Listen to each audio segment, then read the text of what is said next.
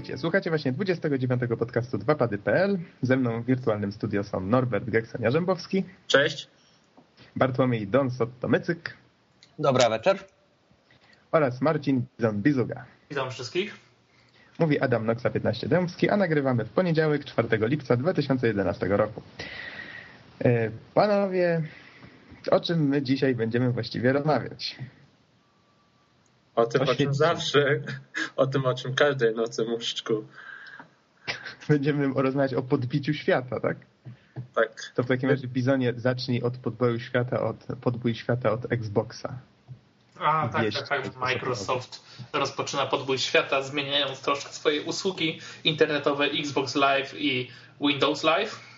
Mianowicie tak naprawdę dochodzi tutaj do konekcji, mając zamiar połączyć obydwie te strefy dla graczy. I teraz nie będziemy mieli już tylko wspólnych achievementów jak do tej pory, ale także mm, całość połączy jeden wspólny sklep, gdzie będzie można zakupywać gry zarówno na Xboxa, jak i właśnie na, na PC-ty. Na platformę, mhm. dokładnie na platformę Windows Live, który, tą, która występuje w systemie Windows tylko, bo żeby nie było, tak, że mamy jakiś, a, a, że na Linuxa będzie. Była jeszcze mowa o Windows 8, tak? Że on ma być bardzo mocno zintegrowany z tą platformą.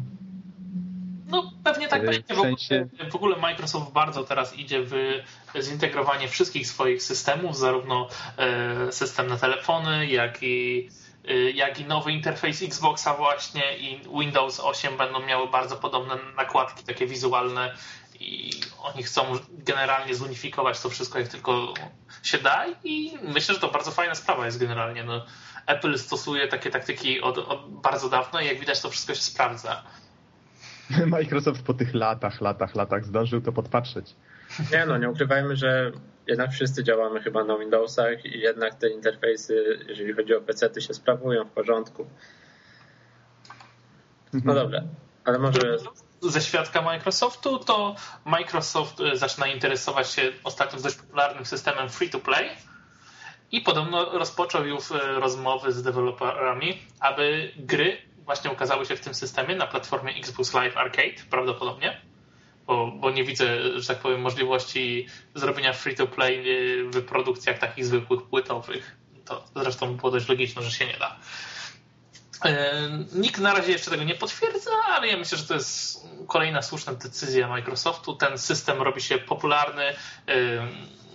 Choćby Valve, które właśnie wypuściło Team Fortress 2 w wersji również takiej darmowej, tak naprawdę na pewno na tym zarobi. Mhm. Może właśnie przejść w sumie Nox do tego newsa o, o Team Fortress dokładnie, jeżeli chcesz coś dodać. Y, tak, bo tutaj mam info o paru darmówkach. Ostatnio jakoś tak dziwnym trafem się zrzuciło tego dość sporo w jedno miejsce i w jednym czasie. Y, Team Fortress 2, właśnie tak już jak wspomniałeś, jest teraz y, darmowe i zostanie takie już na zawsze. Przy okazji całkiem zabawny filmik Meet the Medic się ukazał z całej ja mam... serii poświęconej tej ekipie. Mhm. Ja mam takie pytanko, czy tam też jest ten chwyt marketingowy, czyli system mikropłatności wprowadzony? E, dobrze, że zapytałeś, bo jak ja tą grę kupowałem w dniu premiery, nie było czegoś takiego. Ta gra ewoluowała z każdym nowym patchem i wprowadzano tam różne no, lepsze, gorsze rozwiązania. W sumie to było na zasadzie dodawania takich dużych paczek poświęconych jednej, jednej konkretnej klasie. Czyli na przykład dla, e, dla Heavy'ego dano paczkę trofeów, e, paczkę jakichś nowych broni, innych takich rzeczy i to się odblokowywało wraz z postępami. E, potem ja się przestałem tym interesować w momencie, kiedy zaczęto dodawać czapeczki, różne takie pierdółki, czyli takie drobiazgi, które miały przede wszystkim pomagać graczom pojawia mu rozmaicić grę. To nie miało to jakiegoś takiego większego znaczenia tak naprawdę dla rozgrywki. E, I z tego, co mi wiadomo, potem wprowadzono te mikropłatności. Właśnie między innymi za te czapeczki, za bronię. Nie trzeba oczywiście płacić za to, można to wszystko znajdować albo, albo krafcić, czyli wyrabiać z różnych e, znalezionych losowo zazwyczaj, bo to działa na takiej zasadzie, że e, chyba w trakcie gry po, nagle pojawiał się, pojawiała się informacja, że znalazłeś taki taki przedmiot. Ja, jak mówię, wtedy już przestałem się tym interesować, więc nie, nie jestem dokładnie zaznajomiony z tym systemem.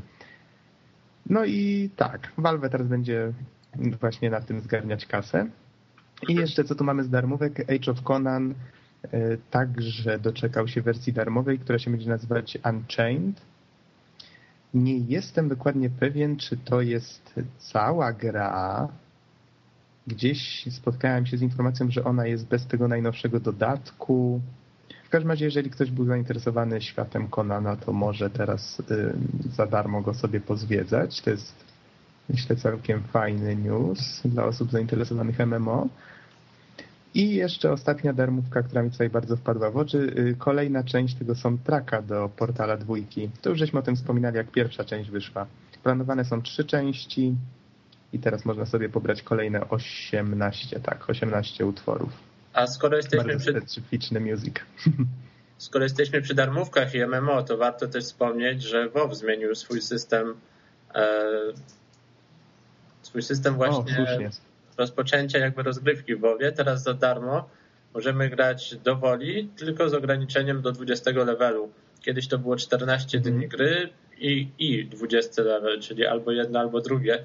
Teraz możemy grać ile chcemy, jednak z tym ograniczeniem poziomu.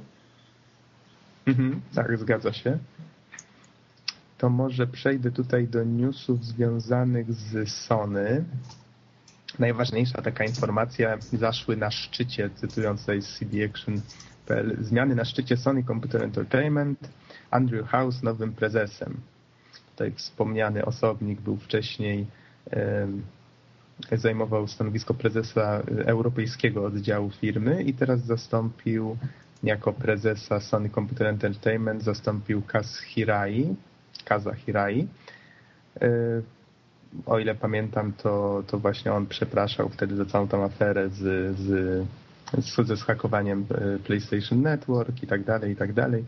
E, myślę, że osoby, które orientują się w temacie kojarzą, kojarzą tą osobę. W każdym razie teraz zastąpi go właśnie Andrew House. To taka informacja wewnętrzna. O hakerach nie chce mi się dużo rozgadywać. Oni tutaj też mieli swój epizod y, przez ostatni tydzień, może trochę więcej. Y, taka cała telenowela z tym y, Lulsek, tak? Ani, ani no, a Boże, anonimowymi. Tak. Mam z tym problem już chyba drugi tydzień z rzędu. Czekajcie, jak ta telenowela miała miejsce, że najpierw Lulsek połączyło się z anonimowymi i, po, i stworzyli Antisek, tak? To w każdym razie w pewnym momencie pojawiła się informacja, że Lulsek został rozwiązany. I to właściwie tyle. Jeszcze mm, okazało się, że przed skończeniem działalności opublikowali mm, dane między innymi z testów Battlefield Heroes. A w sumie nie będziemy tutaj zbyt dużo poruszać na ten temat, bo żeśmy już gadali nieraz na temat tych hakerskich ataków i chyba starczy. Zdecydowanie. O, i starczy. A, ale wspomnę o Geochocie, czyli osobie, która zapoczątkowała cały ten temat. Wiecie, że znalazł pracodawcę? Zgadnijcie, kto go zatrudnił. Mi się coś obiło o uszy, że Facebook go zatrudnił, ale nie wiem, co dokładnie tam robi. Mhm. Zgadza się. Ja, ja w sumie też nie jestem rozeznany tutaj, nie pamiętam czy w tym newsie było podane, czym on się tam zajmuje. W każdym razie tak pracuje w tej chwili dla Facebooka. I ponoć przez już od pewnego czasu, tylko że e, dopiero teraz oficjalnie to przyznał.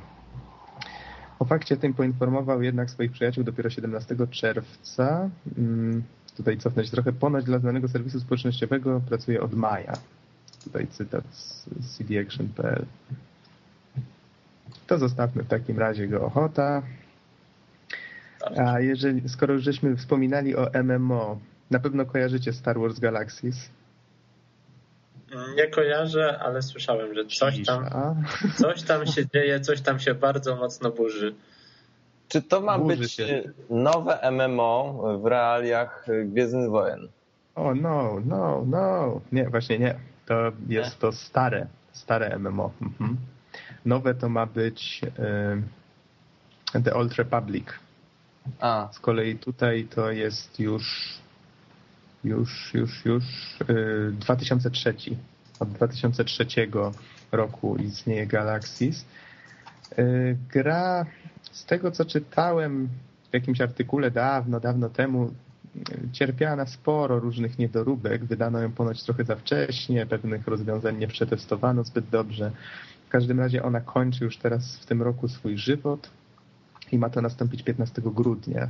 No tutaj wkleję newsa, jest to opisane, z CD Action jest opisane e, cały plan zamknięcia serwerów, jakieś tam eventy, takie pożegnalne.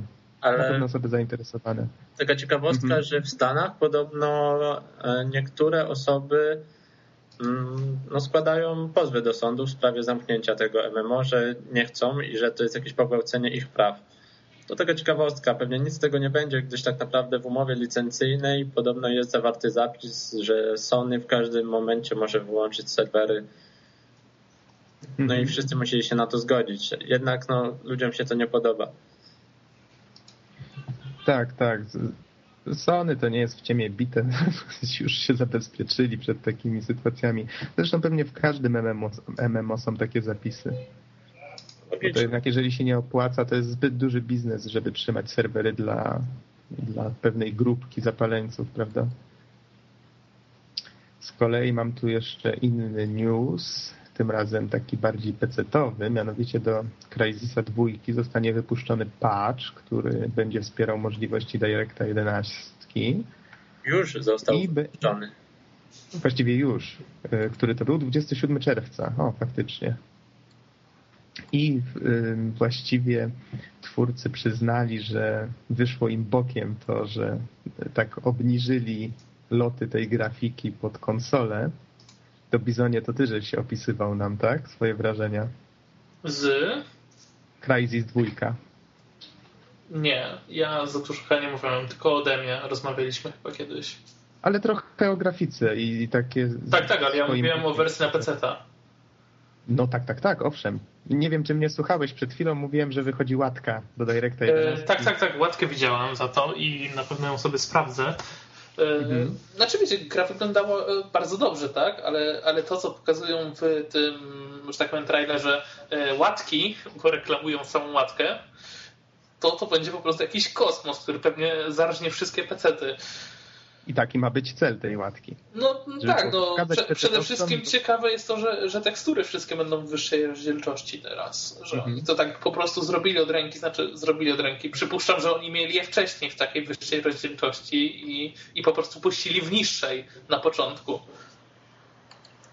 No, no to tak, było tak. pewnie taki ukłon w stronę konsoli tak naprawdę, a wyszło im to no nie fajnie, no bo jednak przez to sporo recenzentów oceniło tą grę nisko, no bo miała być kolejnym benchmarkiem, kolejną grą wyznaczającą standardy grafiki na najbliższe kilka lat, a tego mówiąc nie zrobiła. Krótko, mówiąc krótko, wszyscy oczekiwali, że im zarżnie PC i nie będą w stanie w to grać i się rozczarowali, bo mogli grać normalnie.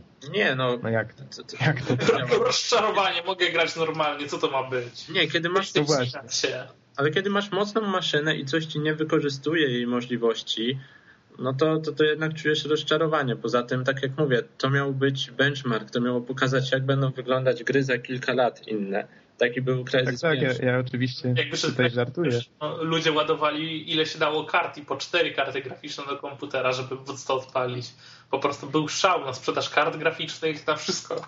Ale tak, ja... zgadza się, oczywiście żartuję, wiem o co wam chodzi e, i właściwie brakuje w tej chwili takiej gry, która by pozwalała sprawdzić maksymalne możliwości PC-ów, prawda? Więc taka łatka na pewno zostanie, została właściwie przywitana dość ciepło. Znaczy wiecie, no może to jest tak naprawdę wina tego, że, że optymalizuje się jednak teraz strasznie te silniki że, mhm. że może to wcale nie chodzi o to, że na przykład pierwszy Crysis był taki mocno zasobożerny, tylko może po prostu pierwszy Crysis w ogóle nie był zoptymalizowany, tak? Jest to możliwe. Ale pierwszy tak Crysis... Oczywiście. Ja sobie sprawdziłem jeszcze raz pierwszego Crysisa około, nie wiem, dwóch, trzech miesięcy temu przy okazji wyprzedaży na Steamie. No jak mhm. odpaliłem, nadal niektóre efekty po prostu kopara na ziemi woda, cały świat wykreowany, naprawdę śliczny. Teraz mogę go, wiecie, odpalić na pełnych detalach spokojnie. No ale jaką masz pewność, że, że ten silnik był wtedy tak optymalny, jak na przykład silnik właśnie ten CryEngine 3? Nie, nie mówię, że był optymalny, jednakże no faktycznie był wyznacznikiem standardu i do tej pory większość gier nie dorównuje mu. Mówię o jedynce Crysisie. Mhm. Tak, tak, tak. Tylko mówię, no, może zażynał maszyny tylko dlatego, że wcale nie był aż tak dobrze napisany. To też możliwe. A teraz nagle się mhm. okazuje, że napisali dobrze silnik, tak, że działa na każdym sprzęcie. Gra wygląda właściwie tak samo dobrze jak pierwszy Crysis, bo ja myślę, że trudno się doczepić. To tam wiem, że jacyś tam maniacy potrafili się do jakiejś tam pierdół e, powiedzieć, że były lepsze w pierwszym Crysisie. Ale no kurde, jednak widać, że tutaj dokonano bardzo dużych optymalizacji w silniku. No ale też po wydaniu tej łatki widać, ile można usprawnić wszystkie odbicia, teslacja, no tutaj nie wnikajmy może w szczegóły techniczne, ale naprawdę... Przede wszystkim dodano mnóstwo efektów, których wcześniej tam nie było. No, no to jest przede wszystkim to, że poja pojawił się ten, no, znaczy, że wykorzystują teraz DirectX 11, tak, znaczy pojawił się, no to jest już stara w pewnym sensie technologia, a cały czas mało gier tak naprawdę z niej korzysta. I cały czas, jeżeli coś korzysta z DirectX 11, to jest wow i reklamowane osobno. To jest troszkę dziwne, bo przecież od ilu lat jest DirectX 11? Około, dość długo. Około trzech, ale chodzi właśnie o konsole, że tutaj jakby konsole wstrzymują chyba, no i ta multiplatformowość. Bo konsole są stare technologicznie i one chyba wszystkie dalej śmigają na Directie 9, z tego co się orientuję. Wydaje mi się, że tak, tak sporo tak, gier korzysta z Directa 11, tylko że to nie jest aż tak nagłaśniane. Jesteście pewni? Mi się wydaje, no. że jednak więcej, nawet takich gier multiplatformowych, po prostu w wersji pecetowych wygląda, e, pecetowej wygląda lepiej. Na pewno jakieś Call of Duty, Medal of Honor, te takie, wiecie, typowe strzelanki, to wszystko śmiga na Directie 9 nadal. Mhm.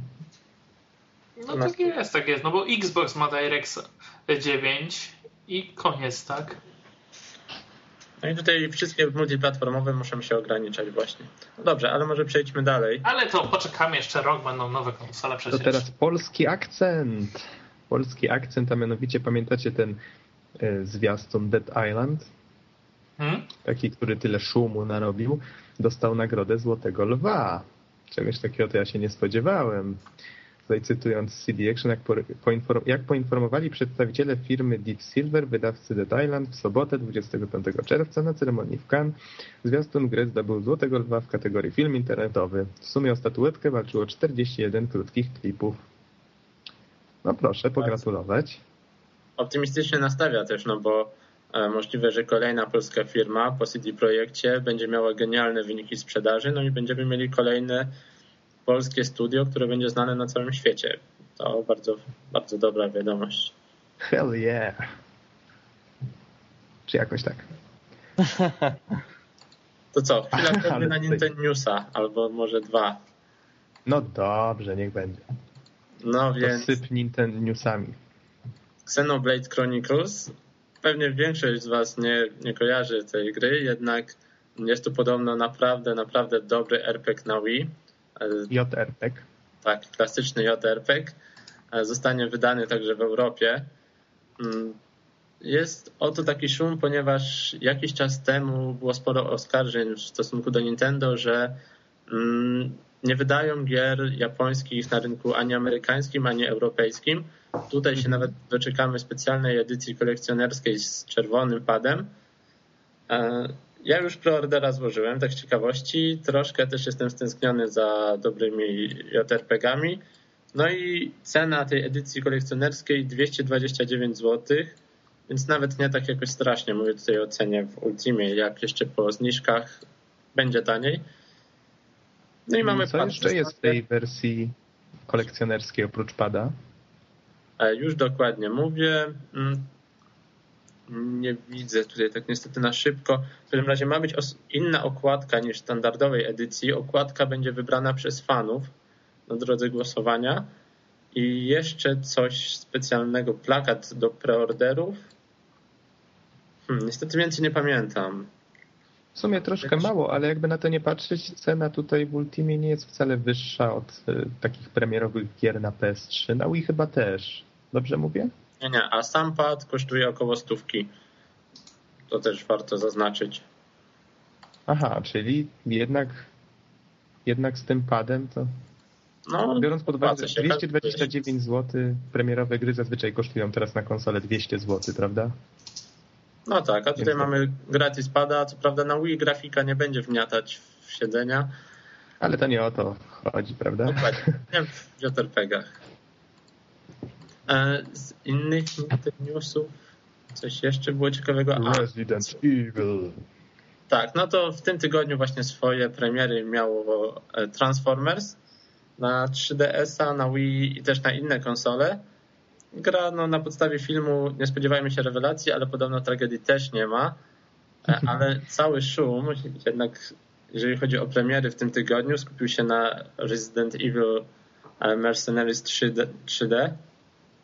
No i chodzi o to, że mm, gra będzie posiadała tylko jeden save, którego nie będziemy w stanie skasować. Przypominam, że gry na 3DS-ie zapisywane są e, na kadrydżu. No i w związku z tym rynek wtórny zostanie praktycznie zlikwidowany w przypadku tej gry, no bo każdy, kto kupi grę, będzie miał wszystkie osiągnięcia. Podejrzewam, że Nika też, e, osoby, która wcześniej w nią grała. No i gracze to bojkotują. Niektóre sieci e, sprzedaży najpierw mówiono, że wycofają, ostatecznie jednak mają sprzedawać tę grę, ale nikt nie jest z tego zadowolony. Podobno Capcom stwierdziło, że nie powtórzy tego błędu i że więcej czegoś takiego nie zrobi. Zobaczymy, co z tego wyjdzie, jak gra się sprzeda. Te sieci przede wszystkim tutaj narzekają ze względu na to, że prawdopodobnie skupują też te używane gry i sprzedają je ponownie. Dokładnie, a w tym przypadku będzie problem. Podejrzewam, że gracze nie będą chcieli kupować używek. Z kolei mnie ciekawi jedna rzecz, mianowicie w DS-ie i w GBA istniał skrót klawiszowy. Nie jestem pewien, czy on działał we wszystkich grach, ale na przykład w Metroidzie, w którymś tam Metroidzie, nawet w instrukcji go znalazłem, to był skrót klawiszowy pozwalający zresetować cartridge. Po prostu zapytał się, pyta się użytkownika, czy jest pewien, że chce wyczyścić pamięć przeznaczoną na savey i wtedy on jest tak jakby fabrycznie nowy. Tak, tego też ma nie być właśnie. Czyli tutaj nie ma tego, nawet czegoś takiego. Nie, nie ma żadnej opcji skasowania postępów gry. Bo mi się zdawało właśnie, że tą opcję dba o to Nintendo, żeby ona była w każdej grze, żeby no. można było wyczyścić. Też mi się tak zdawało, ale tutaj. myślę, że gdyby jednak ta opcja była, to nie byłoby tego całego szumu. No to już nieraz bywało, że szum się podnosił, a potem się okazywało, że a jednak coś tam się da i, i nagle wszystko cichło. Ale zostawmy już, nie, nie znęcajmy się nad tym biednym, skleconym na szybko i dla kasy rezydencie. Ja czekam na tego, tego prawowitego następcę. Revelations, tak. A tymczasem chciałeś jeszcze wspomnieć o jakimś, o jakimś newsie związanym z AMD? Dobrze A. mówię? Z benchmarka? Tak, na stronie benchmark.pl pojawiły się testy najnowszego procesora AMD. Hmm, jak to się teraz wymawia? To jest dobre pytanie. Lano. Lano? Lano przez 2L bodajże. W każdym razie e, jest to układ APU, czyli procesor zintegrowany z grafiką. E, I to, co jest najciekawsze w tej jednostce, a raczej w tych jednostkach nowych od AMD, to to, że jeżeli posiadamy dodatkowo normalną kartę graficzną Radeona, to te grafiki są w stanie wzajemnie się wspomagać, trochę jak, e, jak SLI albo Crossfire technologia, tylko że tutaj mamy ją w procesorze, dzięki czemu możemy się zastanowić, jeżeli mamy słaby procesor i słabą grafikę, możliwe, że nie musimy zmieniać grafiki, wystarczy, że zmienimy procesor na ten z zbudowaną grafiką i to może nam mhm. wystarczyć. Tutaj w testach mm, dopalali dość mocną grafikę e, właśnie tym procesorem, no i potrafili uzyskać nawet po kilkanaście do kilkadziesięciu procent, w zależności od gry i wydajności i, ustawień, może tak.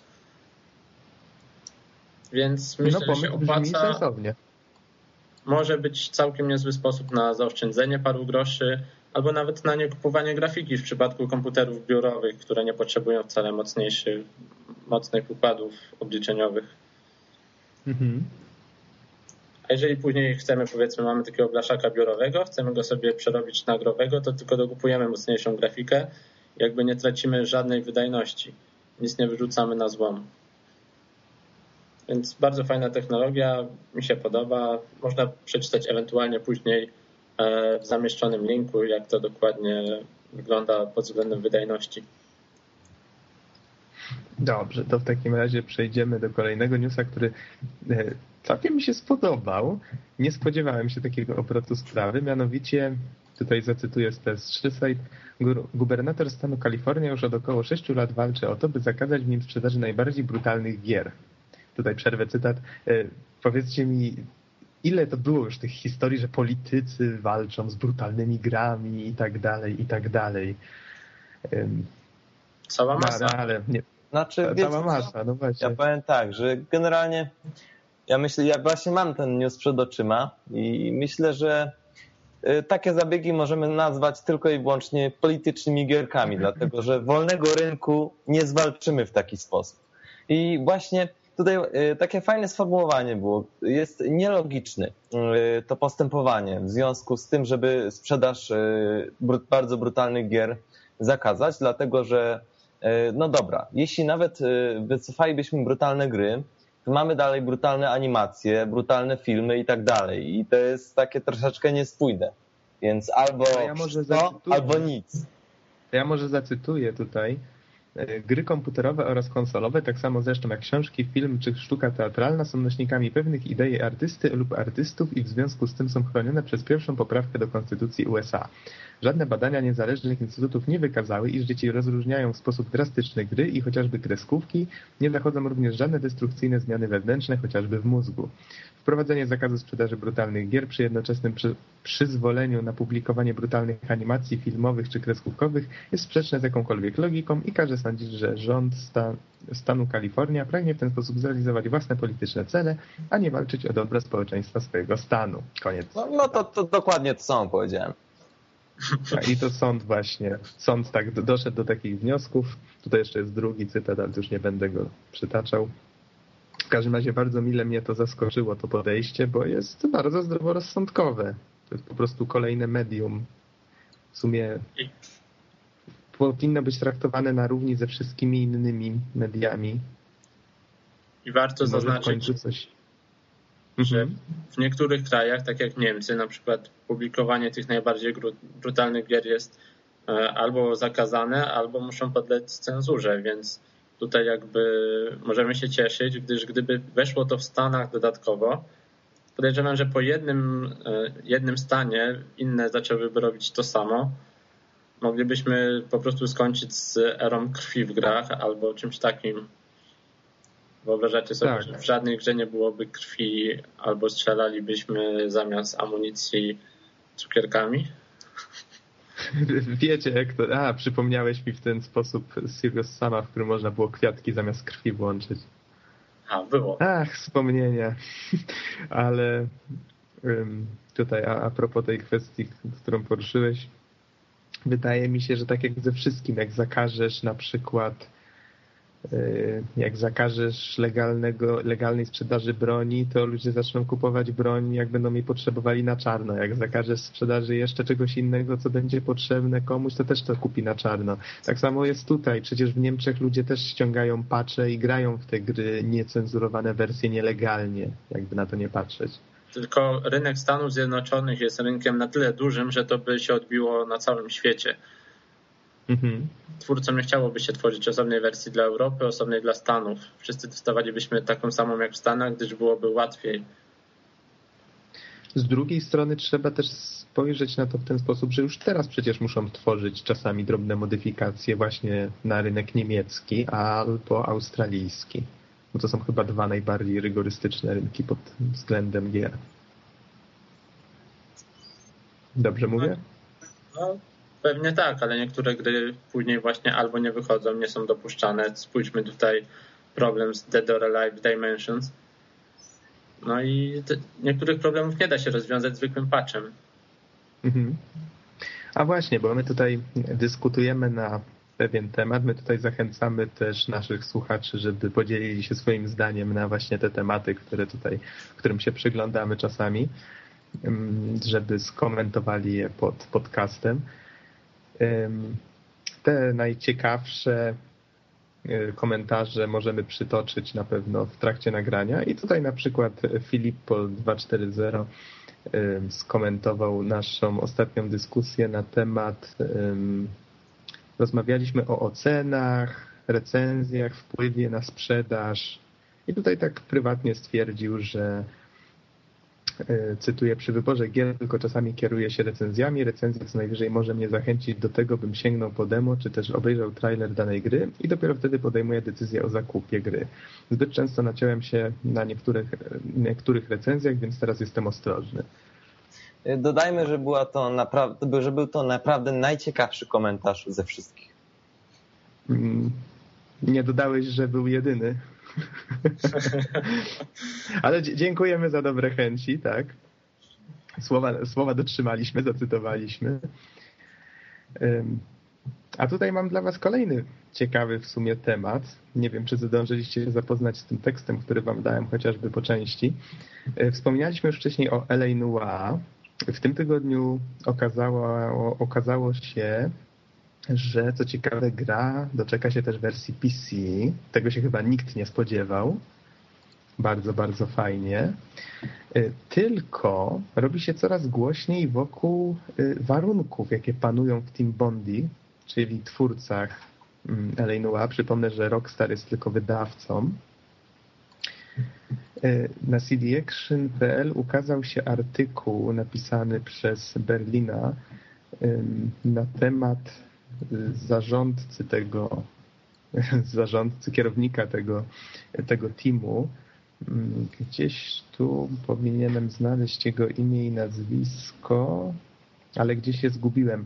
E, w każdym razie żeby nie przedłużać e, sprawy, chodzi o to, że ludzie są tam ponoć wyzyskiwani, e, pracują po godzinach. Teoretycznie wydawałoby się nic, nic dziwnego w tym biznesie, prawda? No bo wiecie na pewno, że, e, że w tym biznesie ludzie zazwyczaj pracują w podobnych warunkach. Już nawet było o tym nieraz mowa. Mam rację? No tak, tak, tak, tak, tak, tak, tak to czasem bywa w studiach. E, ja sam oczywiście tworzę gry i na szczęście nie muszę w takim studiu pracować. No ale wiadomo, że nieraz trzeba dużo czasu poświęcić nad jednym elementem. A pan McNamara mm, podchodzi do sprawy dosyć, bo to jest właśnie ten kierownik grupy e, Team Bondi, e, podchodzi do sprawy w dosyć zły sposób. W całym studiu panowała atmosfera bardzo, bardzo nieprzyjemna. Wszyscy patrzyli sobie na ręce. E, bowiem wyglądało to tak, że wszyscy pracowali naprawdę, robili wiele nadgodzin e, i natomiast ci, którzy wychodzili wcześniej, wychodzili z tą świadomością, że zostawiają więcej pracy swoim kolegom. E, także wzajemne popędzanie się i, i cały czas stres E, właśnie głównie ze strony pana McNamary, który popędzał swoich pracowników, wspominał, że co chwilę, że zaraz będzie premiera.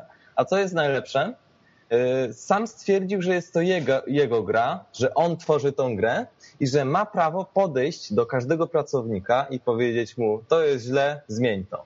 I w sumie wiadomo, że takie sytuacje się zdarzają, ale e, spójrzmy na to z innej strony. Jeśli on każe pracownikowi jednemu coś zmienić, a reszta robi coś, powiedzmy jakiś inny element, który jest związany z tym pierwszym, nie wie o tym, to w studiu panuje chaos. I tak właśnie można to nazwać.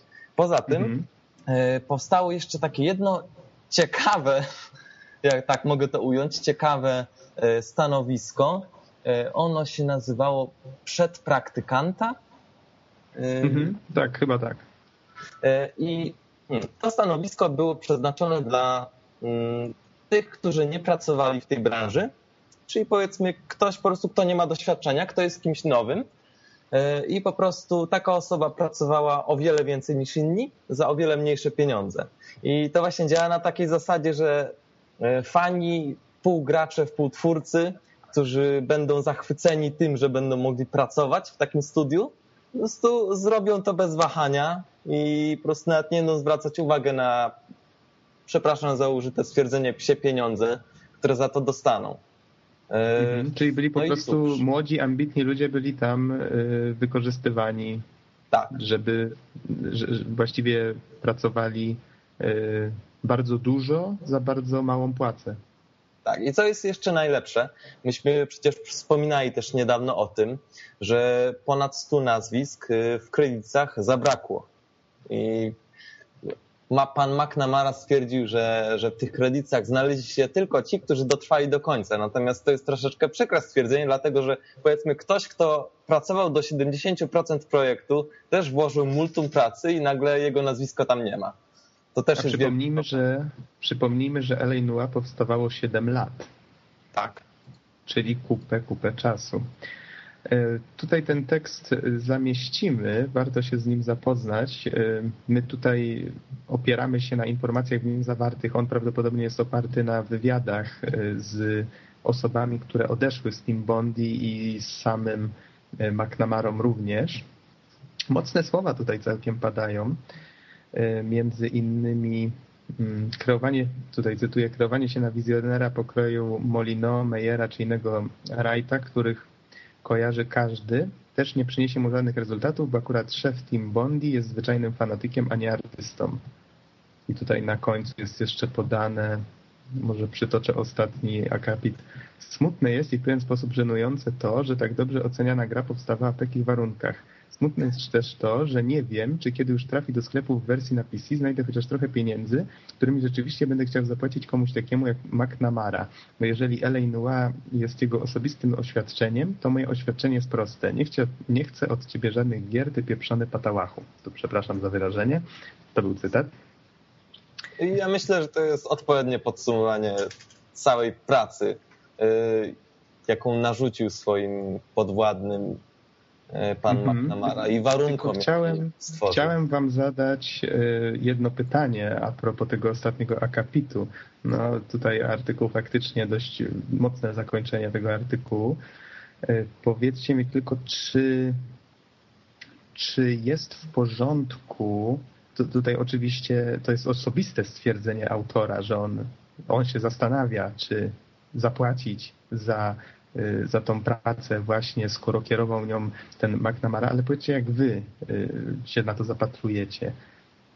Bo wiecie, w tą grę włożyło pracę mnóstwo ludzi. Ci, którzy zostali, zostali tam widocznie, bo twierdzili, że chcą to dokończyć albo nie mieli wyboru. No to praca jak praca, prawda?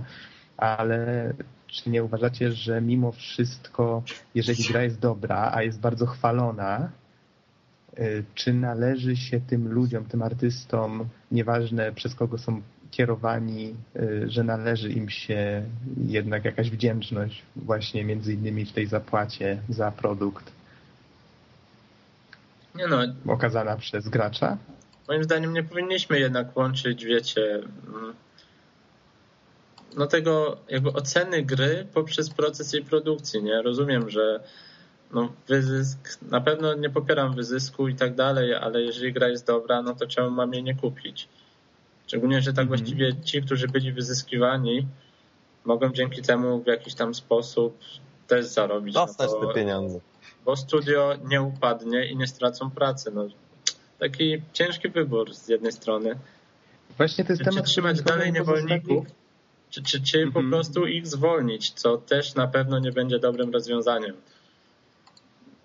Bo tak, dokładnie, bo to jest właśnie temat, który nikogo nie pozostawi obojętnym. Tu nie ma czegoś takiego jak dobry, dobry wybór, prawda? To tak jakbyś chciał wybierać, czy kupić, e, czy kupić jakieś produkty pochodzenia zwierzęcego, nie wiem, jakieś futra czy coś, wiedząc, że są zabijane na przykład do tego zwierzęta, prawda? To teoretycznie podobny, podobna kwestia, chociaż może trochę nie. dziwnie przykład dobrałem raczej trochę inna kwestia, no bo tutaj... Biedne zwierzątka futerkowe przyszły mi na myśl, no już. tu, tutaj powiedzmy może tak, miałbyś niewolnika i możesz go e, albo zabić, albo go dalej wykorzystywać. No troszkę tak to wygląda. Czyli albo zwolnić tych ludzi, nie kupując ich gry, to tak pośrednio, wiadomo, to, to tak nie działa w bezpośrednim przełożeniu, albo e, no, albo kupić ich grę, no i dalej będą pracować. Miejmy nadzieję, że ich warunki się poprawią, no tak naprawdę w tym jedyna nadzieja. Jeżeli był taki szum, myślę, że drugi raz na coś takiego sobie nie pozwolą. Myślę, że no. Y, właściwie tutaj y, zaraz y, znajdę tego newsa, ale tymczasem chciałem powiedzieć, że według mnie należy im się oczywiście okazanie tej wdzięczności, jeżeli gra podoba wam się pomysł na grę, według mnie warto ją kupić, ale jeżeli faktycznie tam dochodzi do, do jakiegoś łamania praw, y, praw pracownika czy czegoś takiego, to naturalnie trzeba tą sprawę nagłaśniać i to jest y, właściwe. No i to jest świetna okazja. Sprawa została nagłośniona. Stowarzyszenie tak, teraz Team Bondi. W rozmowie z serwisem Develop Brian Robbins, prezes IGDA obiecał, że stowarzyszenie zbada sytuację, która zaszła w studiu Team Bondi w trakcie prac nad LA Noir. Jak mówi, z pewnością doniesienia o 12-godzinnym dniu pracy nad godzinach, jeśli okażą się prawdziwe, są niedopuszczalne i szkodzą poszczególnym pracownikom, finalnemu produktowi oraz całej branży. Mhm. No właśnie, tutaj też chciałem o tym wspomnieć, e, a przez sekundę mi przemknęło, że powiedziałeś, teraz zostało to nagłośnione i tak mi przeszło przemyśl. Tak, teraz jak wspomnieliśmy o tym w dwóch padach, to już cały świat będzie o tym mówił. Dobrze, ale kończmy już z newsami. Mam... Tak. Y, Ale tak nawiasem mówiąc, to jest nasza opinia, a drodzy słuchacze, powiedzcie, co wy o tym sądzicie. Czekamy na komentarze. Tak, tak czekamy na wasze komentarze. Dobrze, że o tym wspomniałeś. A jeszcze tak powiem szybko, y, Limbo, o którym Bizon nam opowiadał jakiś czas temu, a które do tej pory było tylko na Xboxie, trafi też na PSN. I na Steam. Bardzo mnie... Y, I na Steama. Mhm, bardzo mnie to cieszy, chociaż to ponoć krótka gra, ale ale jestem jej ciekaw, bo to klimatyczna, jedna z tych klimatycznych gierek. Dobrze, i przejdźmy w końcu, w końcu do gierek. Powiedzcie panowie, w co żeście w tym tygodniu grali? Ja chcę, ja chcę. No to powiedz. Więc ja ostatnio się wyposażyłem w Wii. E, używana wersja, ale sprawiłem sobie do tego e, ten zapper, czyli taki pistolet. Możemy puścić fanfary? Nowa konsola. Nowa, mm, używana. Ale, w domu nowa. No, w domu tak. W każdym razie... Jak nowy członek rodziny. Nawet lepiej. E, trzeba karmić. I więcej zabawy. Okej. Okay. E, w każdym razie zrobiłem sobie do tego Zapera razem z grą Link Crossbow Training. No i może taka mhm. szybka recenzja. Sam Zaper jest całkiem fajny. Można w nim bardzo sprytnie schować pada z nączakiem. Przyjemnie to właściwie jest, tak w skrócie może. Mm, taki karabin, e, odpowiednik, hmm, jak to się nazywa, PS Move Sharpshooter. Mhm. E, tylko znacznie starszy, jest mniejszy, nie posiada niestety kolby, którą możemy oprzeć na ramieniu, co może sprawić, że ręce się dość szybko zmęczą. Mm, dodatkowo nie jesteśmy w stanie go używać we wszystkich grach. Na przykład Call of Duty posiada sterowanie e, tak skonstruowane, że mm, musimy mieć dostęp do klawiszy, do których jednak nie mamy dostępu prostego, e, używając Zapera. Więc ciężko mi go jednoznacznie ocenić. Z jednej strony fajna zabawka, z drugiej nie da się go wykorzystywać w większości strzelanek. E, za to świetnie się sprawuje w dołączonej grze, czyli Link's Crossbow Training. E, mhm. Jest to tak naprawdę tylko pokazówka technologiczna, e, właśnie możliwości wykorzystania tego zapera. Posiada trzy, trzy takie tryby mm, jakby gry. Jeden to jest takie strzelanie do celów, drugie to obrona, a trzecią to poruszanie się po po całym etapie, no i strzelanie do, do różnych stworków. I to wszystko oparte na popularnym uniwersum Zeldy, tak? The Legend of Zelda. Tak, jednak no może przejdźmy do wad, gdyż jest ich sporo niestety. E, gra jest głównie celowniczkiem i w związku z tym e, nie posiada na przykład żadnej fabuły. E, podejrzewam, że gdyby nie była oparta na tym świecie, to w ogóle, w ogóle większość osób by się nią nie interesowało gdyż no, jest bardzo przeciętna. Ukończenie jej zajęło mi godzinę. Co prawda można kończyć ją na srebro, złoto, na lepsze wow. poziomy. Tak, to, to jest tylko tylko pokazówka technologiczna niestety. Jest bardzo krótka, niezbyt zaawansowana, posiada tryb multiplayer, jednak w multiplayerze też e, jest pewna wada, gdyż tak naprawdę gramy na zmiany. Nie jesteśmy w stanie grać we dwójkę równocześnie, więc tutaj też nie poszalejemy. Graficznie jest, plusem jest grafika, jest bardzo ładna, jak na Wii. Ani mam takie wrażenie, niestety nie mam dużego doświadczenia jeszcze w tej platformie, jednak mi się podobało. Hmm. No i tyle, co można o tej grze powiedzieć. Innymi słowy, takie technologiczna pokazówka tego mm, Zapera, tak? Tak, bardzo mówię? króciutka.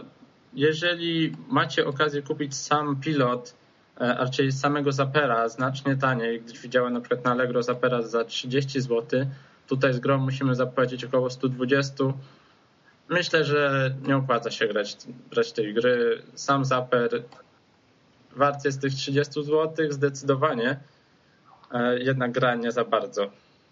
Mhm. I wiem, że grałeś jeszcze w coś. E, tym A... razem na Nintendo DS. Tak, mój, mój Ninten, Nintentaryzm. jesteś Nintendo, Nintendo fagiem jesteś już. Tak, Nintendo fagiem. Pogarsza mi się ten stan, ponieważ mój PC jest nadal spalony, nie miałem czasu go naprawić. W każdym razie... Palił ci się PC, a to ja o niczym nie wiem. Zasilacz mi poszedł niestety. Podejrzewam, że jakieś przepięcie w sieci poszło i, leży. Mhm. Okej, okay. E, ukończyłem w każdym razie jeszcze w międzyczasie Mario vs. Donkey Kong 2, March of Minis. Jest to prosta gra, no może nie taka prosta, jest to gra logiczna, którą przede wszystkim należy pochwalić za poziomy trudności, e, ale może przejdźmy, zacznijmy od tego, na czym ona polega. Mm, chodzi o to, aby doprowadzić e, naszych mini Mario, czyli takich nakręcanych na sprężynki, do wyjścia, po drodze zbierając jak najwięcej monetek, e, ewentualnie kartę specjalną po jednej na etap. No i pod koniec każdego epizodu mamy bossa w postaci właśnie Donkey Konga, Mm, I całość opiera się właśnie na rozwiązywaniu prostych zagadek logicznych i koordynacji działań e, tych e, małych Mario. Czy to przypomina trochę ideą Lemmingi, czy to takie błędne skojarzenie? Początkowo myślałem właśnie, że będzie przypominać Lemmingi, jednak po odpaleniu gry okazuje się, że nie, gdyż e, każdy Mario zaczyna w innym punkcie. Zazwyczaj jest to jeden, jeden ludek, na przykład w każdym rogu planszy, który ma dostęp do różnych przełączników e, i chodzi o to, aby ich tak skoordynować, mm, żeby, żeby wszystkie doszły do końca. I właśnie tutaj e, plusem jest poziom trudności, gdyż do przejścia do następnego etapu e, wystarczy, aby jeden doszedł do, do wyjścia. Jeżeli chcemy zdobyć srebro lub złoto, wszystkie muszą dojść Najlepiej jeszcze, aby dochodziły w krótkich e, odstępach czasu, mianowicie mm, wtedy dostajemy combo, krótko mówiąc. Więc e, osiągnięcie złota lub srebra w niektórych etapach to, to prawdziwa łamigłówka, zaś przejście takie najprostsze, myślę, że spokojnie przedszkolak by sobie z tym poradził. Więc tutaj duży mm -hmm. Na swojej drodze przemieszamy różne światy, bardzo zróżnicowane.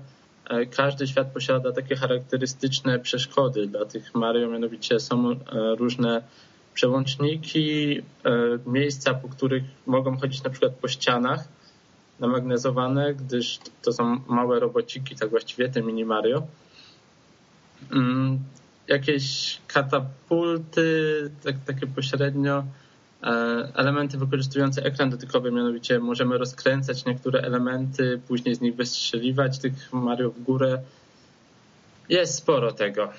Naprawdę. Czyli, czyli fajnie to jest wszystko tak zrobione i to jest takie, rozumiem, zręcznościówka połączona z łamigłówką, wszystko w takiej fajnej oprawie, jak to Nintendo ma w zwyczaju. Tak, jednak gra też nie jest pod żadnym względem rewolucyjna, bym to tak ujął, mhm. ponieważ nadal jest to zwykła no, zwykła łamigłówka. Nie zaszokuje nas fabułą jak żadne Mario. Księżniczka została porwana, musimy ją uratować. Nie dzieje się Ale ona ciągle zmienia zamki. O. Tutaj chyba nawet nie jest to Peach. Myślę, że to jest Pauline, tak? Dobrze kojarzę? Tak. bo ona ma siostrę. To, to mhm. nie wiedziałeś? A, ale to jest siostra Peach? Nie wiedziałem. To jest siostra. Nie, nie, pamiętam, czy dokładnie ta, ale tak, ona miała siostrę i to yy, A właściwie... Donkey Kong, y, Donkey Kong to jest małpiszon z krawatem, jakby ktoś nie wiedział. Tak. Zerowany, y, jak to ktoś kiedyś powiedział, yy, bo King Kong był już zajęty. Pewnie tak. No i gdybym miał tą gierkę tak podsumować, ocenić, no to plusy na pewno grafika, bardzo fajnie dopasowany poziom trudności, to ponownie podkreślam, gdyż czasem byłem na przykład zmęczony, półusypiający, wtedy te etapy przechodziłem, żeby tylko przejść. E, innym razem po prostu miałem masę czasu, to wtedy można naprawdę wysilić swoje szare komórki i troszkę popracować. E, etapy możemy później przechodzić ponownie, tutaj nie ma żadnego problemu. Jak gdybym miałem ocenić tak, no to myślę, że taka siódemka byłaby dobrą, obiektywną oceną. Jeżeli ktoś jest fanem 10, tak? łamigłówek, tak? tak, 7 na 10. Fanem łamigłówek może dodać sobie jeszcze punkcik. E, ocena dla Link Crossbow Training dałbym niestety czwóreczkę. Gra jest bardzo krótka, niczym nie szokuje niestety. No tak jak mówię, jeżeli macie możliwość kupienia samego Zapera bez, bez tej gry, dużo nie stracicie. Mhm. Dobrze. To w takim razie teraz Don, twoja kolej. No właśnie, Co ja teraz grałeś? dorwę się do mikrofonu i nie oddam. E, jakoś ja mam, ja mam skłonności do, do wyszukiwania jakichś gier starszych i w zasadzie sam nie wiem skąd się bierze. Po prostu tak, tak wychodzi. E, ostatnio padło na Worms 3D. Myślę, że wszyscy jesteśmy świadomi, co się dzieje z robakami, co to za gra. E, mhm. która w dwóch wymiarach doczekała się naprawdę wielkiej ilości części e, z wielką, ogromną popularnością. Przyszło czas na 3D. E, no i pierwsze wrażenia. Przede wszystkim mm, najlepsze jest to, że autorzy zachowali większość broni z poprzednich części, więc praktycznie wszystko jest dokładnie takie samo. Mamy też te same zasady, te same dźwięki, nawet same robaki e, są bardzo sympatycznie zrobione. Przypominają, bardzo dobrze przypominają e, te z dwóch wymiarów i wyglądają po prostu sympatycznie, czyli tak jak być powinno. Ich głosy jednakże są troszeczkę irytujące.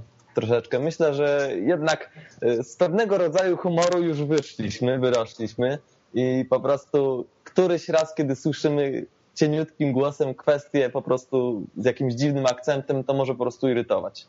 Z robaków się nie wyrasta.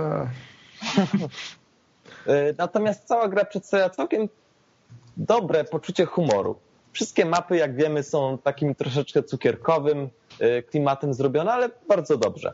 E, generalnie oczywiście jest wolna gra, jest kampania. Co do wolnej gry, to trybów gry mamy od groma. Zasady możemy ustalać samodzielnie, na przykład broń palna o zwiększonym polu rażenia na przykład, jeszcze jakieś inne. Y, dokładnie jest ileś tam wartości, które możemy sobie wybierać. Także możliwości gry jest sporo. Y, jest też tryb kampanii. I bardzo mnie ciekawiło, co to za tryb może być. Otóż sęk w tym, y, że mamy do czynienia z kilkudziesięcioma misjami. Każda misja to jest autonomiczna mapa z autonomiczną fabułą. Czyli powiedzmy jest cztery robaki mm, w statku kosmicznym, e, ter terroryzują jedną farmę i musimy je powstrzymać. E, Brzmi Każda... to po prostu pięknie. Tak, dokładnie tak. E, I Fabuły są zróżnicowane, jednakże całość generalnie polega na tym, żeby zlikwidować robaki przeciwnika, no i ewentualnie pozbierać jakieś skrzynki, doprowadzić konkretnego robaka w y, jakiś określony cel, ale generalnie muszę przyznać, że mimo wszystko na tym prostym silniku y, twórcy wyciągnęli y, bardzo wiele. Przyjemna jest także muzyka, no i co mogę jeszcze dodać? Generalnie jest to swoisty port z dwóch wymiarów na trzy twórcy niemalże wszystko ściągnęli z poprzednich części, ale to właśnie dobrze, bo właśnie tego oczekiwaliśmy. Oczekiwaliśmy dobrego e, portu z dwóch wymiarów do trzech wymiarów e, i to jest to. E, na, na, na czasy dzisiejsze grafika jest przeciętna, ale sam, mm, sam sposób, jak robaki wyglądają, jak się zachowują, ich głosy, a także sam humor gry po prostu jakoś te wady nam, nam wyrównuje. Bo mimo wszystko to jest ładnie, ładnie stylizowane, prawda? To się A. wolniej starzeje taka grafika. No i jeszcze mogę dodać, że w grze mamy dużą ilość śmiesznych filmików z robakami w roli głównej. Te filmiki odtwarzają się, kiedy na przykład przegramy misję w kampanii, kiedy wygramy, kiedy odblokujemy jakąś mapkę. No i coś mogę powiedzieć. Niektóre filmy są śmieszne i zabawne, niektóre próbują być śmieszne, a niektóre nie są śmieszne. No cóż, niestety nie wiem, pełen, pełen spektrum. No cóż, rzeczy do odblokowania mamy dużo. Map jest chyba ze 100 albo i więcej. Także zabawy jest dużo, różnorodność jest spora. E, każda, mm, każda misja w kampanii to jest coś nowego, tak na dobrą sprawę. I chociaż myślę, że one są troszeczkę sztucznie podkręcane, to znaczy w jednej misji na przykład miałem jedyną broń, jaką e, posiadałem, to pchnięcie paluszkiem nad przepaścią i to jeszcze liczoną w sztukach. Więc naprawdę było to wielkie wyzwanie. E, natomiast co mogę dodać? Przede wszystkim obsługa granatów i wszelakich broni rzucanych dalej jest nieziemsko trudna, zwłaszcza w trzech wymiarach. Myślę, że każdy miał tą bolączkę we wcześniejszych wersjach gry. Że nie Oj, to była jedna z najlepszych rzeczy. Trzeba. Także niedoświadczony gracz może pozabijać się sam już na samym początku gry. E, najlepsze jest jeszcze tam e, święty granat. Halleluja i koniec. Boom. Klasyka. Oczywiście. A jest banana bomb? Mówiąc, y, generalnie jest to port, bardzo dobry port, daje graczom to, czego oczekują. Y, jest gra jest zróżnicowana, stawia wyzwania. 4 plus. Dziękuję bardzo. No, ro, robaki jak robaki, ale mm, nie wspomniałeś, że jednak ta wersja 3D nie zyskała takiej popularności jak 2D i obecnie Team 17 powrócił do do tej dwuwymiarowej. Od czasu do czasu widać, że wypuszczają jakieś na PSP chyba ostatnio. Nie jestem na bieżąco. Znaczy generalnie robaczki odrodziły się wraz z iOS-em i pewnie teraz też trafiły na Androida, czyli te wszystkie urządzenia przenośne, kiedy stały się na tyle wydajne, żeby można było na nich grać spokojnie w te gierki, to one się pojawiły właśnie. Wiem, mm -hmm. że mhm. bardzo fajnie wygląda na przykład na iPadzie Wormsy. A, no i oczywiście, bo wspomniałeś o platformie, ale mam tutaj przed oczyma spis platform, na których wyszedł Worms 3D i to jest GameCube i PlayStation 2, Windows, Mac OS, Xbox i to chyba wszystko. O, trend sobie zagrać na Macu, spokojnie. Ja już grałem kiedyś w tą grę e, na PC jeszcze, ale generalnie strasznie mi nie przypadło 3D w Wormsach. No tu trzeba mhm. mieć specyficzne podejście i... Yy, trzeba mieć cierpliwość chyba na początku do tej gry, bo jak jesteś tak. przyzwyczajony do wersji 2D, e, to bardzo ciężko się przesiąść. Innymi słowy, ta mechanika jednak została przeniesiona, może, może inaczej, to nie jest wina mechaniki, co samego faktu, że zupełnie inaczej się ona sprawdza w trójwymiarowym środowisku. No tak, to jest jednak przestrzeń i z tą przestrzenią są pewne problemy. No tak jak wspomniałem, granaty w dwóch wymiarach to był ogromny problem, czy bazuka. Natomiast y, tutaj w trzech wymiarach mamy nie tylko y, odległość, góra-dół, ale także lewo-prawo. Ten wiatr też również y, płata figle i po prostu czasem ciężko jest określić odległość, a rzut granatem na większą odległość to jest samobójstwo y, w przyrównaniu z faktem, że AI jak zwykle radzi sobie doskonale i to zostało zachowane doskonale z poprzednich części, że przez pół mapy przeleci pocisk jeszcze takim ogromnym lobem po samą niebo i pionowo jeszcze spadnie na twojego rowaka i koniec. Także... A no i nie przesadzajmy, w dwóch wymiarach rzucanie granatami nie było takie ciężkie, wiesz, to parabole tańczą i, i już wszystko wiemy. Odpowiednia siła, kąt, te sprawy. No, no to no, zapraszam do 3D. Dobrze, Bizonie, teraz twoja kolej. Ojej. Wiem, coś w końcu, coś w końcu zagrałeś. E, no dobrze, grałem w taką przysłowiową grę, która nazywa się Muniax. E, wyszła ona na iOS-a, czyli e, na iPhone i iPady. Powiem wam tak, grałem na obydwu platformach, ale jednak większość czasu ze względu na, na poręczność to jednak grałem na iPhone'ie w, w te Muniaxy. Jest to prościutka gierka.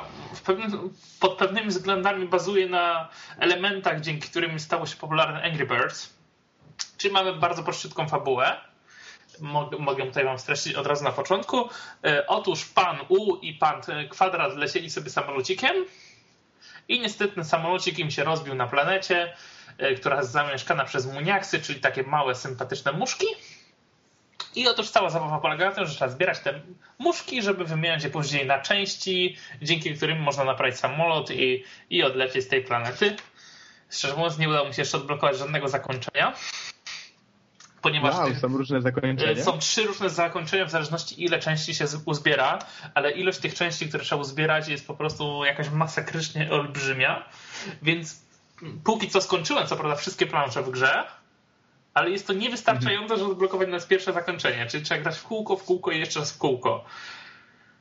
Co, co jest troszkę tak może głupiutkie.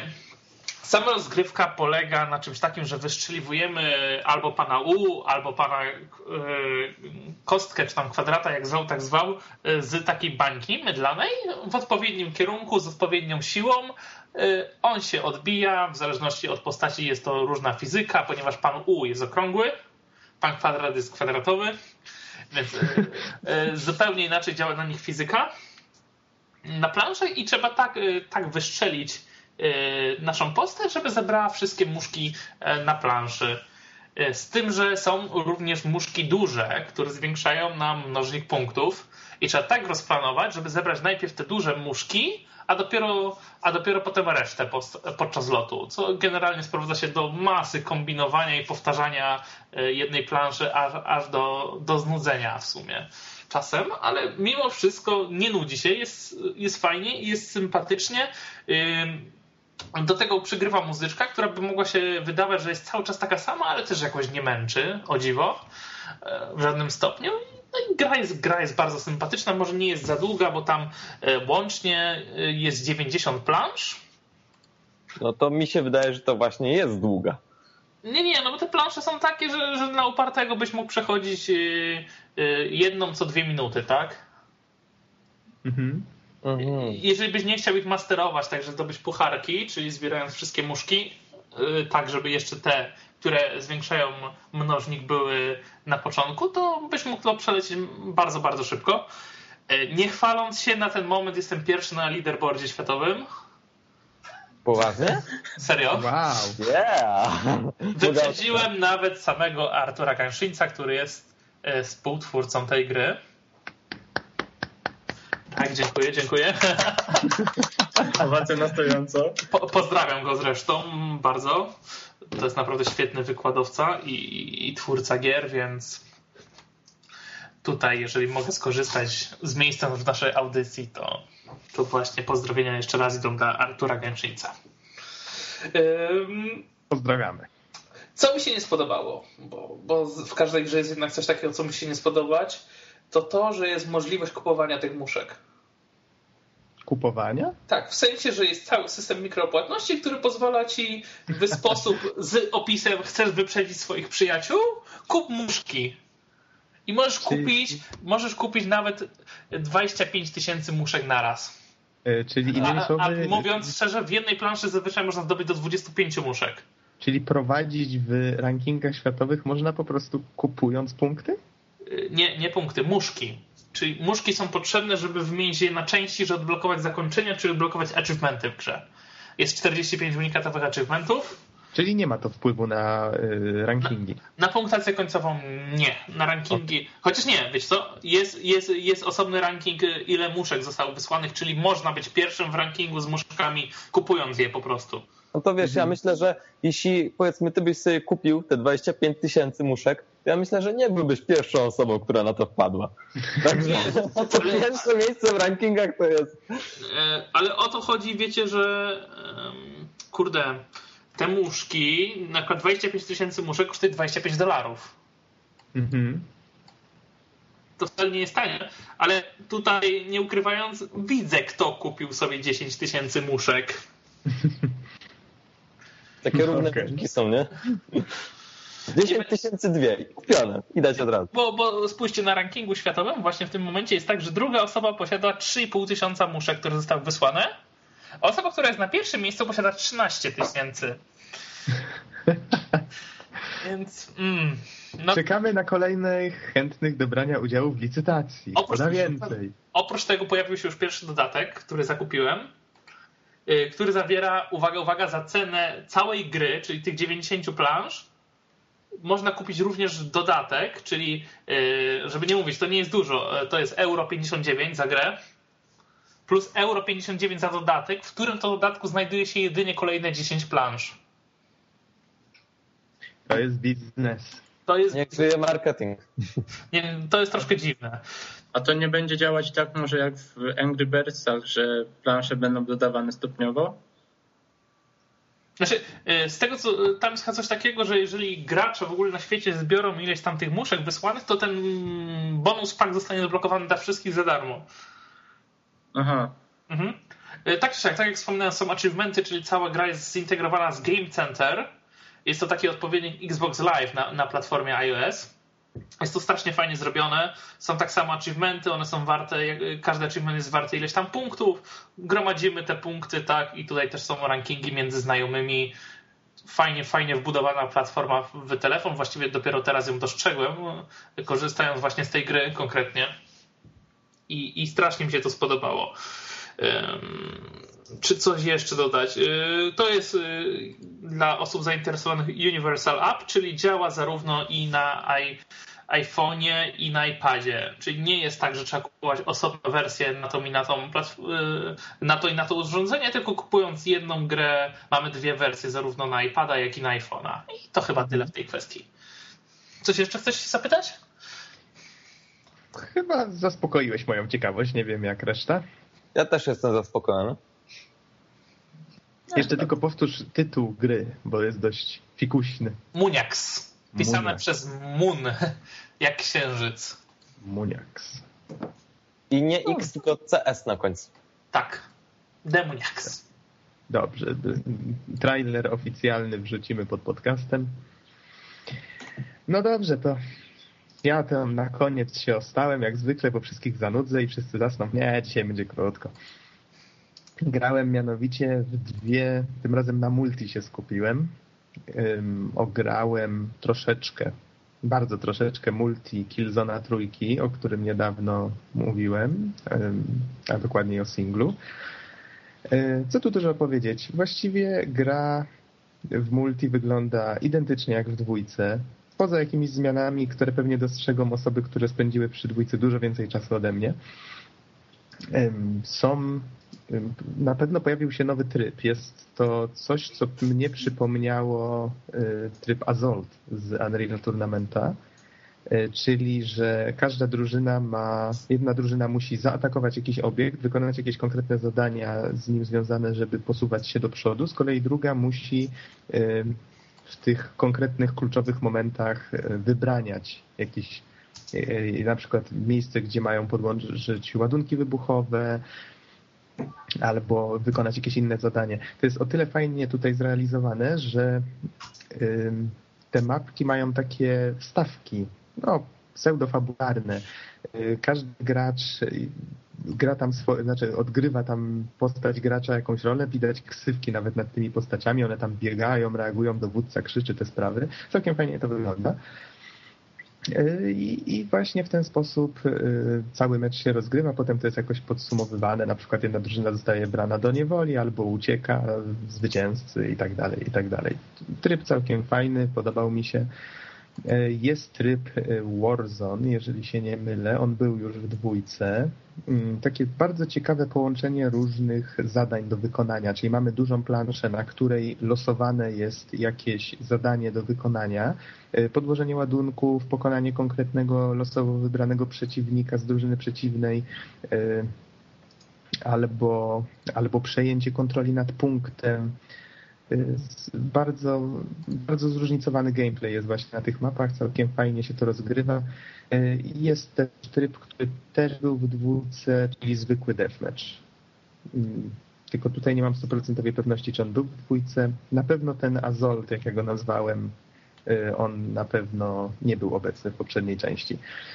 Y, I właściwie Dużo więcej tutaj nowości jakoś ciężko mi wskazać. Większość szczegółów już dawno zapomniałem. E, klimat gry jest podobny, gra się równie fajnie, choć mnie ten typ gry jakoś nieszczególnie podpasowuje, bo jest to jednak strasznie duży chaos.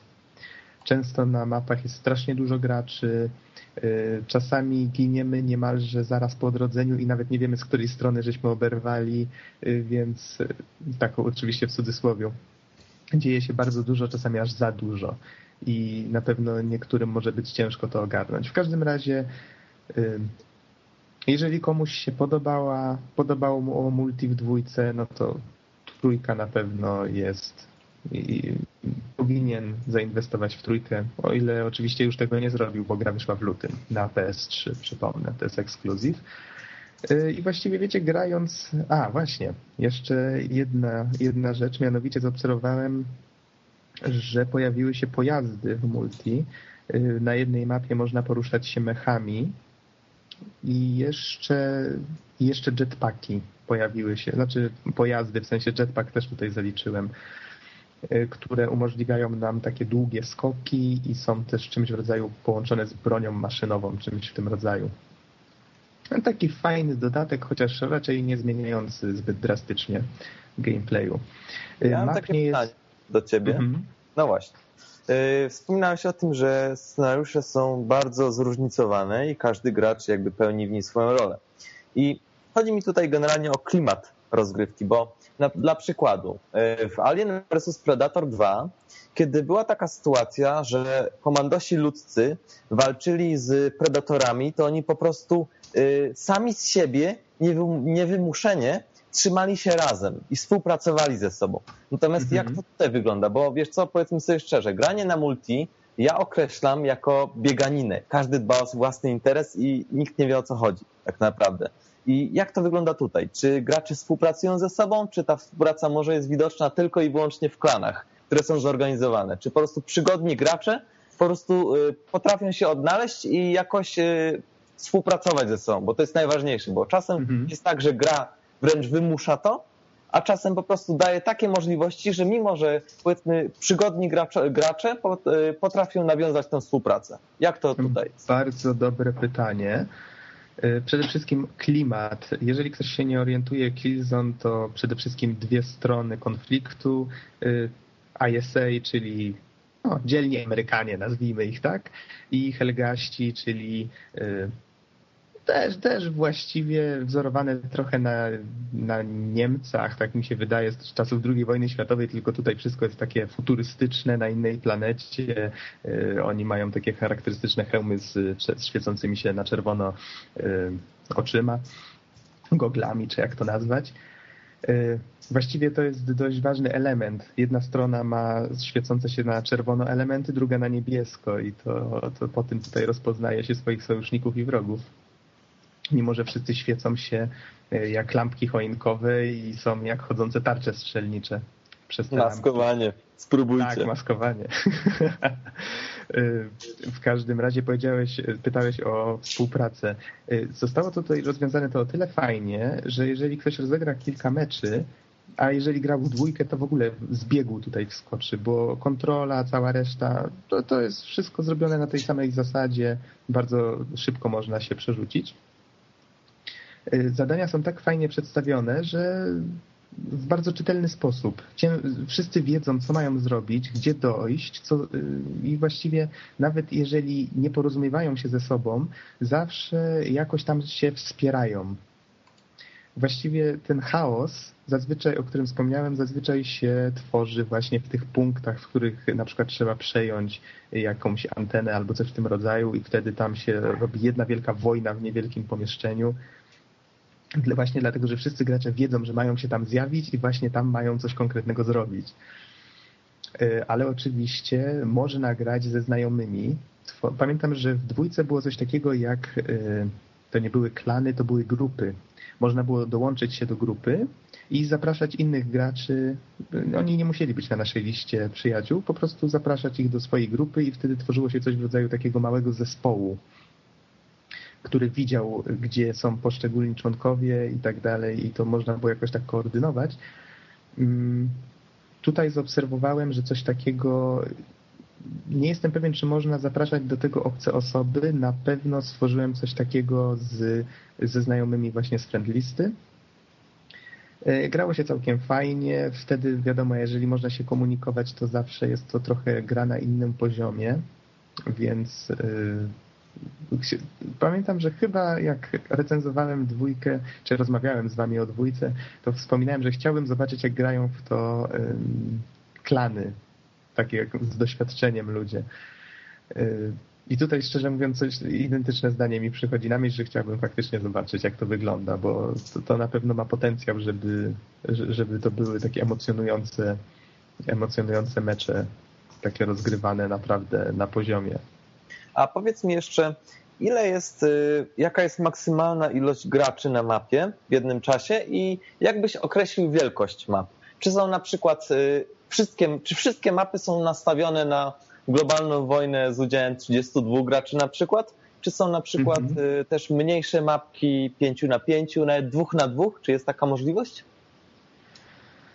Hmm, troszeczkę za krótko grałem, żeby z pewnością to stwierdzić. Mapek nie jest dużo, ale zwróciłem uwagę na to, że one są zrobione w ten sposób, one są dość duże i w niektórych trybach po prostu ograniczana jest ich wielkość, czyli na przykład tylko do pewnego ich fragmentu.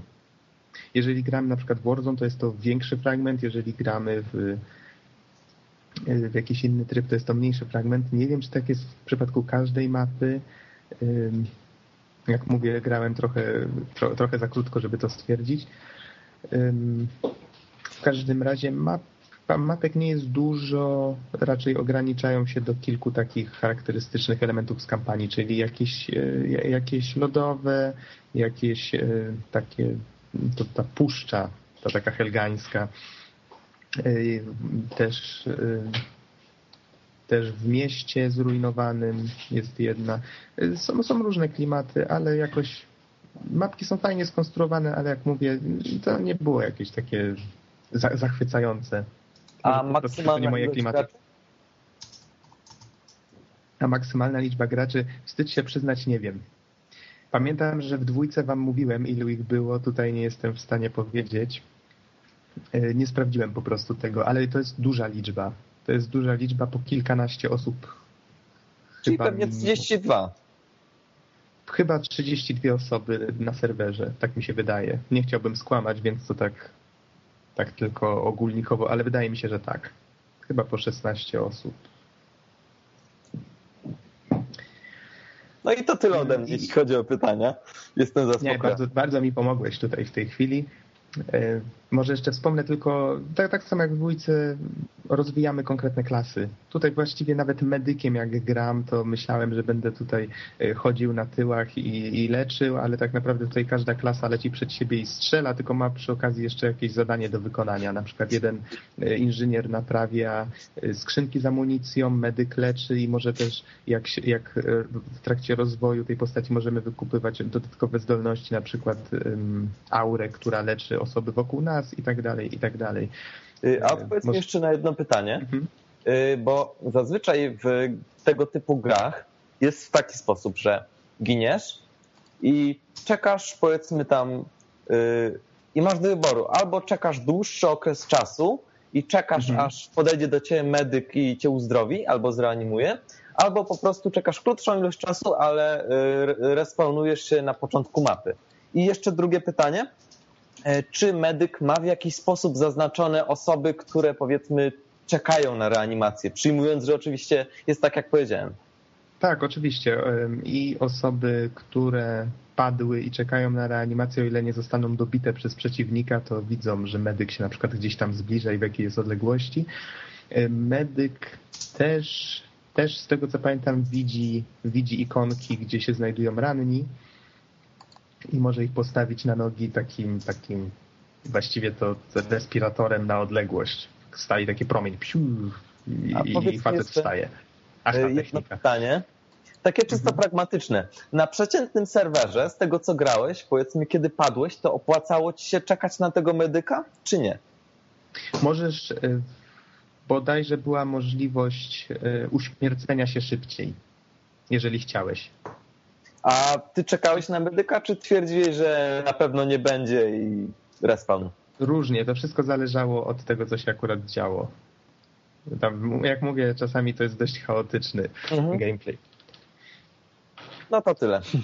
W każdym razie, może tak jedno zdanie podsumowania. Wiecie, tak zastanawiałem się, mm, dlaczego Killzone właściwie jest e, tak lubiany i doszedłem do wniosku, że tak naprawdę największą jego zaletą jest to, że on nie ma w tej generacji, a zwłaszcza na PS3, żadnej sensownej konkurencji.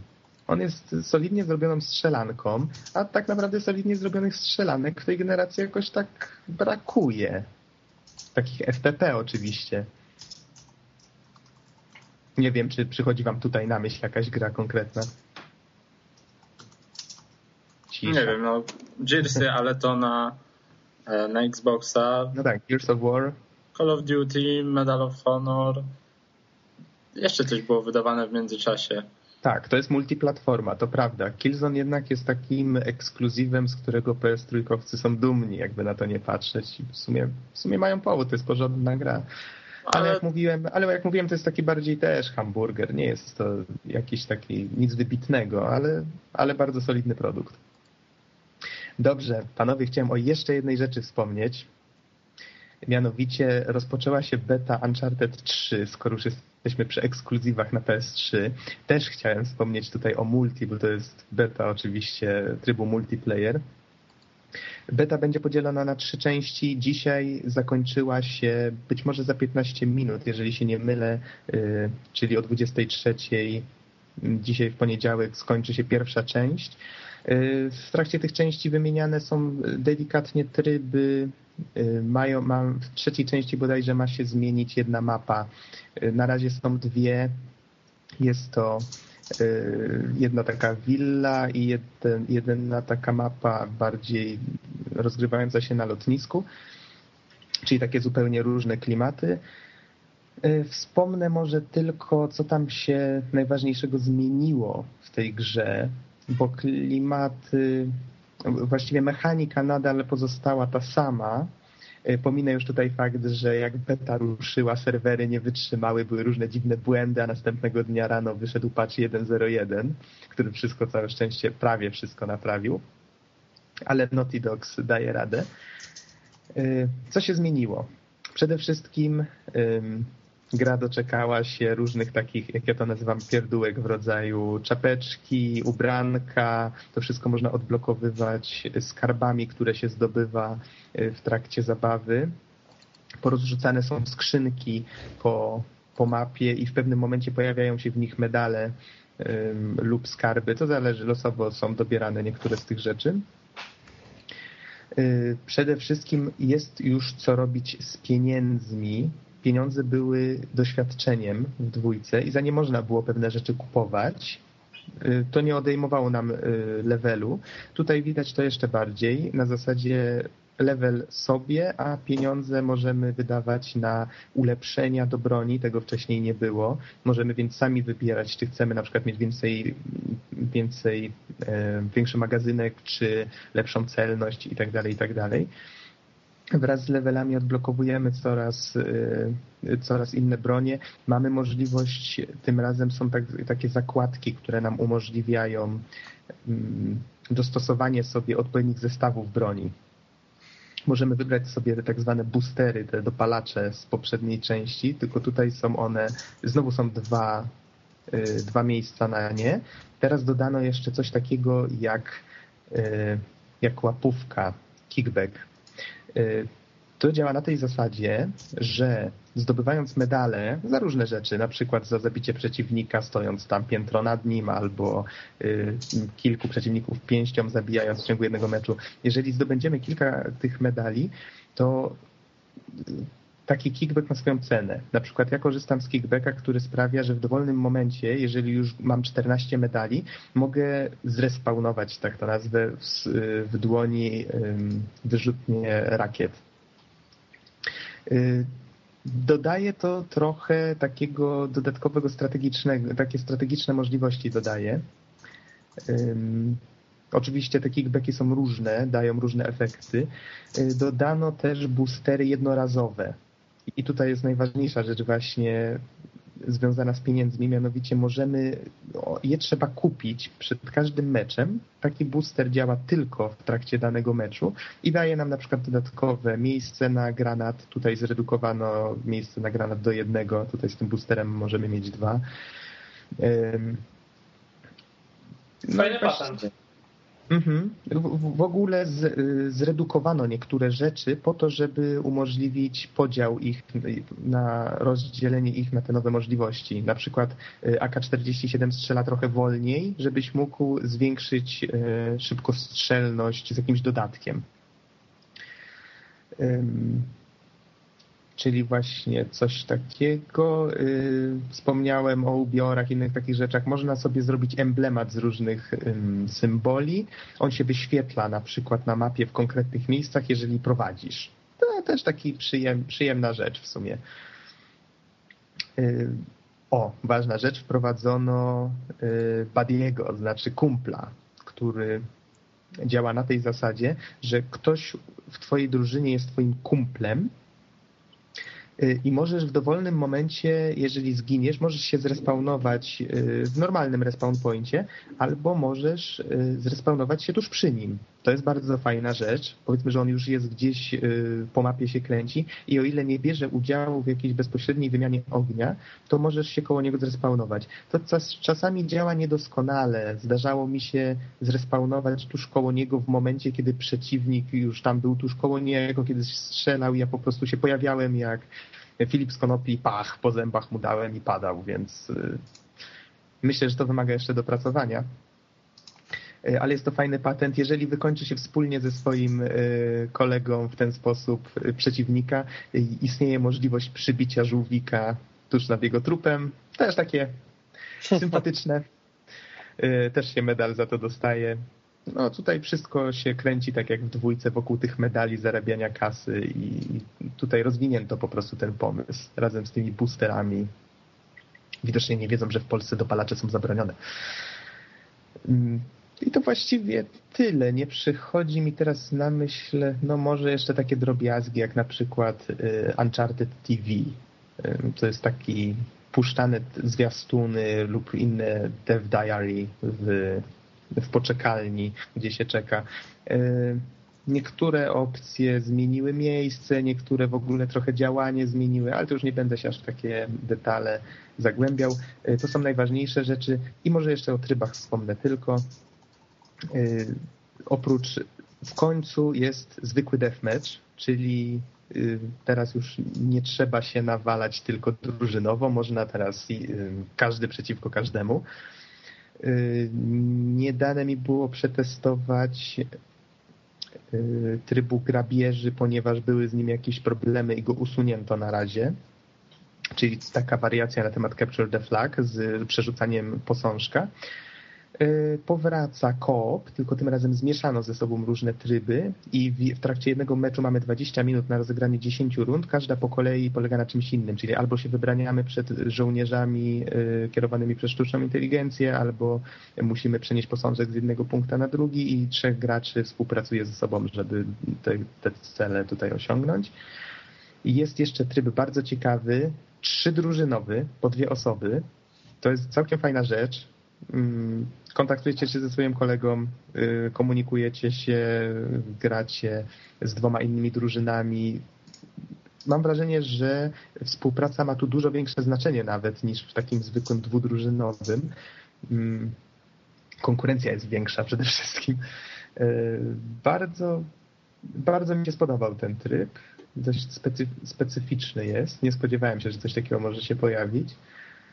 I to właściwie tyle. Wiem, że się mają pojawić y, w kolejnych, w kolejnych etapach bety mają się pojawić jeszcze dwa tryby związane z koopem. Jeden się nazywa Adventure, więc to pewnie będzie odpowiednik y, koopa z, z dwójki, czyli taki cały etap, który przechodzimy wspólnie.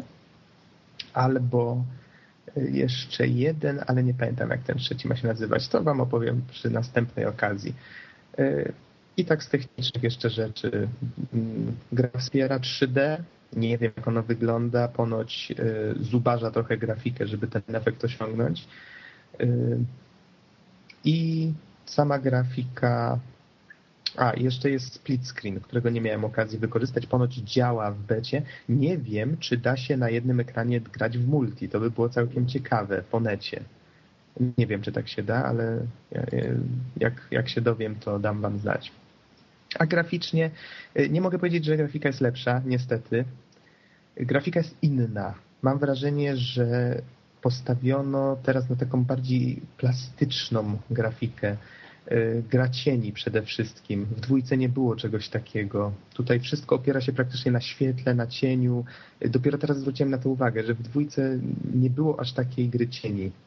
Tutaj chyba przepisali w ogóle kod odpowiedzialny za renderowanie światła. Wygląda to bardzo plastycznie, ładnie, ale jest stylizowane w inny sposób. Mam wrażenie, że tutaj dążyli trochę bardziej do, do większego realizmu niż w dwójce.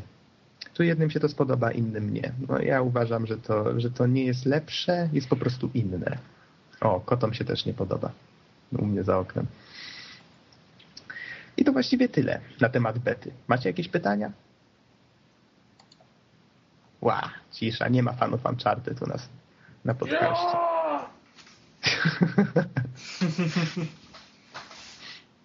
Dobrze, panowie, czy w takim razie kończymy? No chyba tak.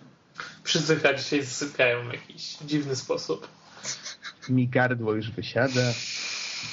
Ja nie mogę dużo gadać. Jednym słowem trzeba nam wszystkim wakacji.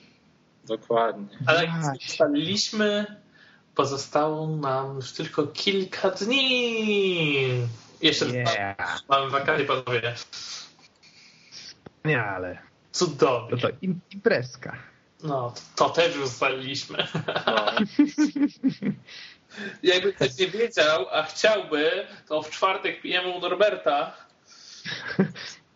Ej, bo, bo to może się źle odbić. Specjalny odcinek podcastu. Odpowiednie wydarzenie pojawi się na Facebooku wraz z podcastem.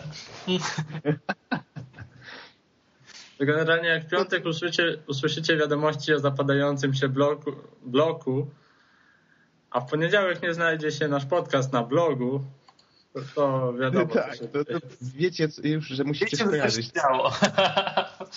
Proste. Tak, to wiedzcie, że coś się dzieje. Coś się bardzo mocno burzy. Coś się bardzo, bardzo mocno burzy. Dokładnie. To co panowie, tym optymistycznym akcentem? Kończymy na dzisiaj. Tak, i zapraszamy was na następny podcast. Do usłyszenia. Trzymajcie się. Trzymajcie się. No, cześć.